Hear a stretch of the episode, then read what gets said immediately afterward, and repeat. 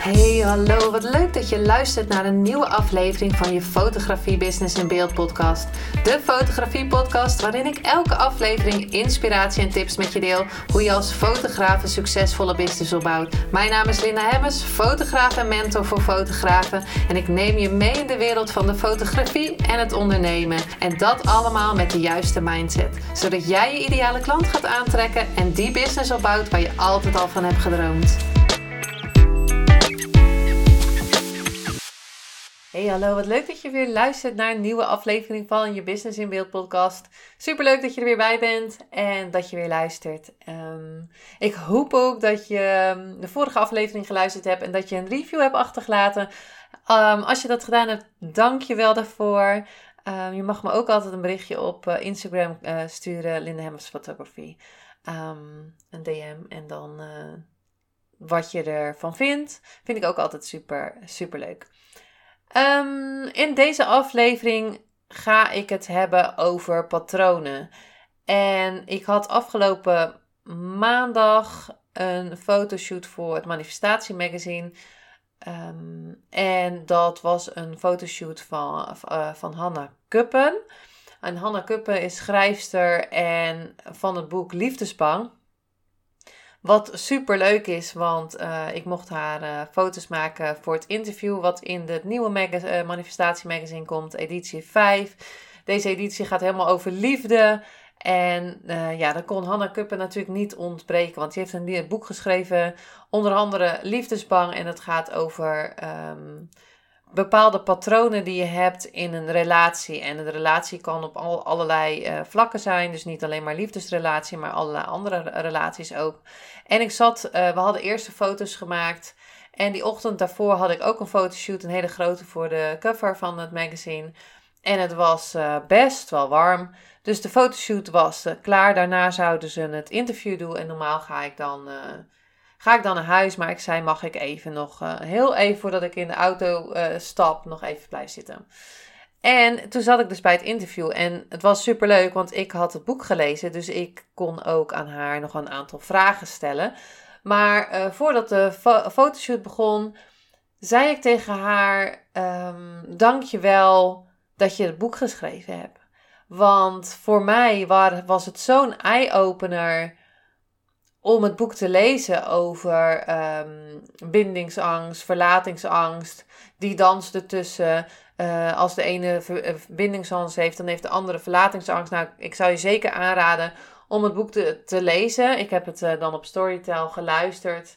En ik vond het echt, bij mij vielen er allemaal kwartjes van: hey, oh, oh, oké, daar zat ik in. En dat is er gebeurd. En ik kan nu zoveel beter anticiperen in mijn relatie nu en ook in mijn onderneming, omdat ik weet um, hoe bepaalde um, ja, dingen werken. Dus het is, ik, uh, ik heb eerst bewustwording en daar hadden we het over uh, tijdens het interview. En toen zei zij, en dat vond ik wel super mooi, want dat heeft ook met je onderneming te maken. En dat zie ik vaker ook wel, dat iemand zegt van nou, dat werkt helemaal niet, dan ga ik weer wat anders doen. Uh, bijvoorbeeld als je een, nou ja, je doet um, portretten maak je en je denkt, nou, de portretten dat werkt helemaal niet voor mij. Dus ik wil graag personal branding gaan doen. En dan ga je personal branding doen en dan merk je dat je het ook helemaal niet kan verkopen, want dat lukt helemaal niet. En nou, dan denk je, oké, misschien moet ik toch maar een newborn cursus gaan doen en dan ga ik uh, newborn foto's uh, uh, maken. En het lukt je weer niet om de foto's te verkopen. En dat vond ik een hele mooie, want zij zei, je kan, hè, we hadden het over relaties, je kan wel de relatie verbreken, maar als je het patroon niet verandert, dan kom je het de volgende keer weer tegen. En dat vind ik zo mooi in je onderneming, dat je kan zien bijvoorbeeld dat je bepaalde um, overtuigingen hebt over sales, dat je uh, over geld praten vind je echt al vreselijk. En nou ja, tuurlijk, ik heb toch geld, ik heb geld genoeg, ik kan mee rondkomen, dus waarom Um, hè, waarom moeten we allemaal over geld praten? En ik denk juist, ik heb juist geleerd hoe belangrijk het is om over geld te praten. Hoe belangrijk um, het is om sales te doen. Hoe belangrijk het is om jezelf te laten zien, zichtbaar te zijn, je marketing te doen. Dat heb je allemaal nodig in je onderneming. Maar als jij de wortel er niet gaat uittrekken, van wat, is, wat, wat ligt eronder. Dat heeft helemaal niet te maken met wat je gaat verkopen. Want als je kan verkopen, dan kan je echt alles verkopen. Als je zeker van je zaak bent, dat je iets waardevols hebt, dat je zeker van je, je, je kennis uh, en, je, en je kunnen bent. Um, en dat hoeft niet helemaal zeker te zijn.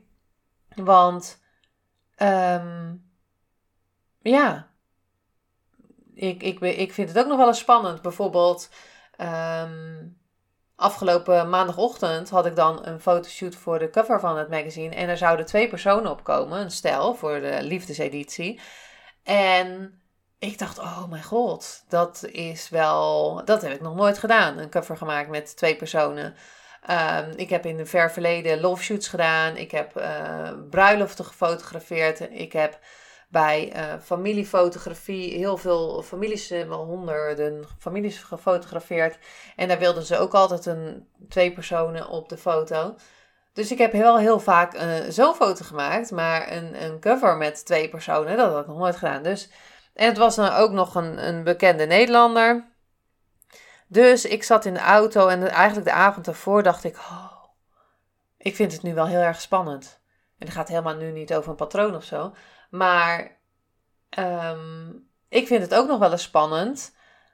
En nou weet ik helemaal niet meer waar ik, waarom ik hierop kwam. Maar goed, dat, dat, dat maakt niet uit. Het gaat erover dat um, um, ik dan ook uit mijn comfortzone ga. En, en het betekent dus niet meer dat je het niet spannend kan vinden.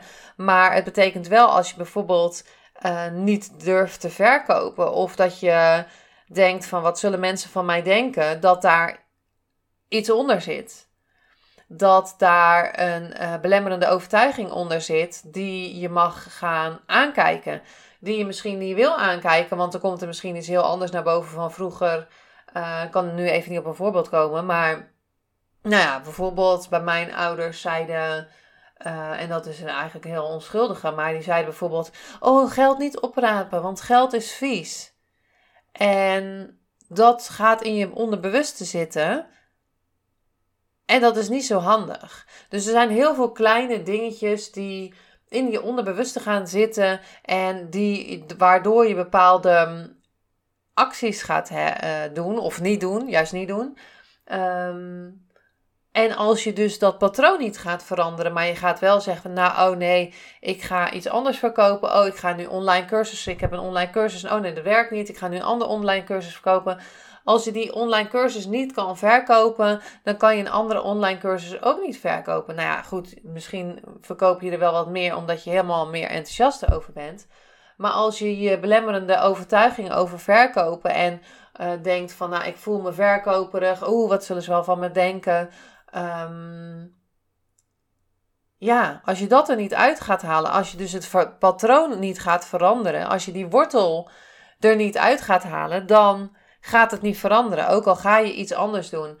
En hoe ga je dat patroon dan veranderen? Of hoe ga je uh, die belemmerende overtuigingen dan uh, shiften? Is sowieso uh, bewust worden dat je een belemmerende overtuiging hebt ergens op. Wat overigens heel oké is en iedereen heeft. misschien niet die, maar wel een hele andere.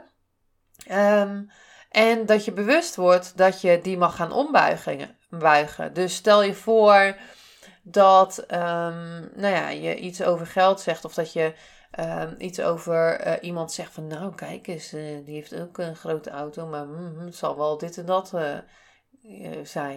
zijn. die zou het wel van paps en mams hebben gekregen, ik zeg maar wat.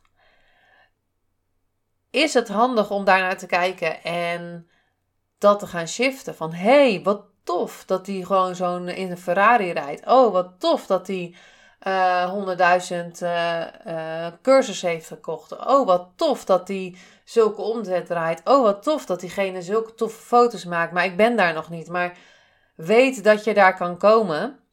Um, maar dat je, als je daar wil komen, dat je eerst een patroon mag gaan veranderen. Dat je eerst die angel eruit mag trekken of die wortel. En dat kan je ook bijvoorbeeld doen door de hypnose. Als je een hypnose gaat doen. Of je kan touch of matrix doen. Of je kan oefeningen gaan doen. Of je kan een coach nemen die je daarmee helpt. Of je kan allerlei dingen doen. Uh, de schaduw echt gaan aankijken van, jeetje, wat zit daar dan? Even is goed gaan zitten en um, er eens even op gaan voelen. Hoe komt dat dan? Wat, wat werd er vroeger dan gezet? In, dat, in, in het uh, Miljonairsbrein ontrafeld boek staan heel veel oefeningen Waar je dus eerst naar vroeger gaat kijken. Hoe ben je geconditioneerd wat geld betreft. En ik heb het nu over geld. Hè, maar het kan op verkopen zijn. Het kan op zichtbaarheid zijn. Maar um, dan ga je kijken hoe je geconditioneerd bent. Wat jouw ouders bijvoorbeeld zeiden over geld. Uh, geld groeit niet op mijn rug. Um, nou, ik kom uit Zeeland. Hier werd gezegd: Zeeuwen zijn zuinig. Zeeuwen zijn zuinig. Um, daar was zelfs een reclame van. Moet je nagaan hoe dat ingeprent is. Um, en uh, ik wil natuurlijk dan niet zuinig zijn. Dus uh, dat heb ik een hele lange, lange periode gehad. Dat ik niet zuinig wilde zijn. Maar ja, ik wilde niet. Ik was veel in Amsterdam en omstreken. En dan ja, Zeeland. Ja, niet dat ik me schaamde of zo. Maar wel van. Oh, ja, het eerste wat iemand had zei. Oh, Zeeuwen zijn zuinig. Dus dat is helemaal conditionering die je dan hebt op het gebied van geld. Um, of het gebied van geld uitgeven. Juist wel geld gaan uitgeven omdat je niet zuinig wil genoemd worden. Of juist wel zuinig zijn omdat Zeeuwen zuinig zijn. Wat natuurlijk helemaal niet uh, het geval is. Um, en wat is, er is ook niks ergs aan om zuinig te zijn hoor. Maar... Dus dat, dat wil ik in deze aflevering met je meegeven. Dat je wel nou ja, bijvoorbeeld van relatie kan veranderen. Of bijvoorbeeld van social media platform kan veranderen. Of, um, maar als het op dat ene platform niet lukt. En het is natuurlijk niet handig als je doelgroep daar helemaal niet zit. Stel je voor dat je moeders met kinderen wil. En je zit de hele tijd op LinkedIn. Nou zitten daar ook wel moeders met kinderen. Maar misschien wil je die helemaal niet. En dan uh, als klant. En je bent daar maar allemaal aan posten. Terwijl misschien je beter een blog kan maken en het op Facebook kan zetten. Um, wat dan misschien handiger is. Maar goed als je dan van social media platform blijft switchen, van oh dit werkt niet, uh, hè, sowieso moet je natuurlijk, mag je gaan oefenen. Uh, doe het eens eerst zes maanden of in ieder geval honderd dagen voordat je zegt dat het niet werkt. Hou het eens bij, analyseer eens wat er gebeurt.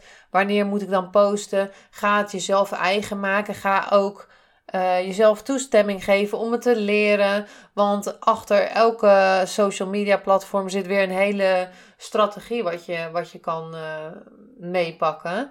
Bij de ene wel zoveel lange video, bij de andere niet, liever 5 seconden. Bij die is het dit, deze um, sound trending.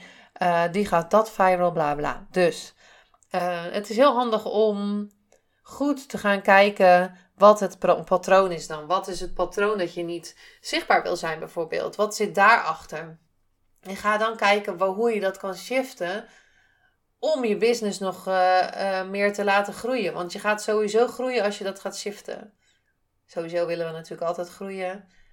Um, dus um, ja, dus dat voor deze aflevering. Foto's van Hanna komen in de volgende editie van uh, um, Manifestatie Magazine. En wat ik wel ook wel heel mooi vond, um, is dat ze het boek voor zichzelf heeft geschreven. Ik ga natuurlijk nu niet het hele interview hier uh, in de podcast vertellen, maar het boek heeft ze voor zichzelf geschreven.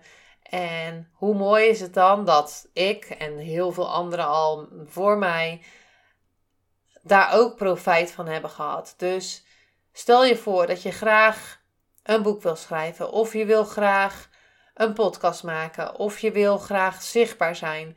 Doe het dan in eerste instantie altijd voor jezelf.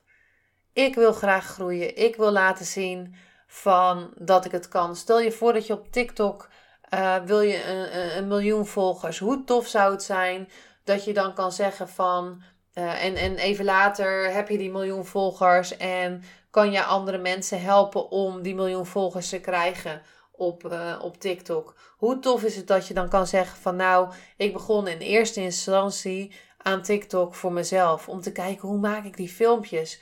Wat, hoe ga ik het algoritme, algoritme um, uh, bekijken? Hoe ga ik zorgen dat ik weet waar ik, voor welke niche ik ga, iets ga doen? Hoe um, um, word ik zichtbaar? Hoe maak ik een podcast? Hoe zorg ik dat ik uh, veel meer uit mijn intuïtie ga praten in plaats van in mijn, in mijn hoofd zitten. Zulke soort dingen. Ja, ik, ik laat me hierbij. Ik denk dat je, ik hoop dus zeker dat je hier wat aan gehad hebt. Uh, dat interview van Hanna komt dus in, ehm, in het magazine.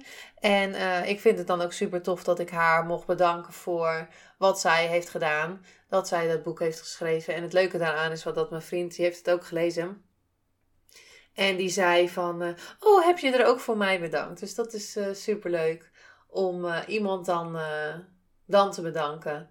Nou ja, mocht jij vaker naar de podcast luisteren, um, vind ik het superleuk natuurlijk. Als je mij een berichtje stuurt, dan weet je altijd voor wie je het ook nog meer doet. Uh, altijd als er één iemand luistert, dan ben ik al blij. Of dat één iemand het inzicht heeft, vind ik dat is al uh, mijn missie. En daarnaast um, wil ik natuurlijk gewoon elke keer ook groeien hierin. En um, brengt het me superveel om, om dit voor jou op te nemen. Dankjewel voor het luisteren. Als je nu al denkt van hé, hey, ik wil graag een magazine, waar kan ik het magazine krijgen? Manifestatie Magazine kan je online vinden op manifestatiemagazine.nl. Daar kan je zelfs ook nog de oudere edities, uh, volgens mij 3, 3, 2 en 1, ook nog bestellen. Editie 5, uh, 4 staat er nu op over uh, body en mind. Um, nou ja, mind, dan kan je zeker een patroon vinden, want er staat heel veel in hoe je bepaalde patronen kan vinden. Um, en hoe je dat kan shiften. Dus neem, ja, bestel het magazine op de, op de website. En uh, weet dat je me altijd een berichtje kan sturen. Want dat vind ik super leuk. En ga zeker dat patroon veranderen. Want uh, het gaat je heel veel helpen. Dankjewel voor het luisteren. En tot de volgende aflevering.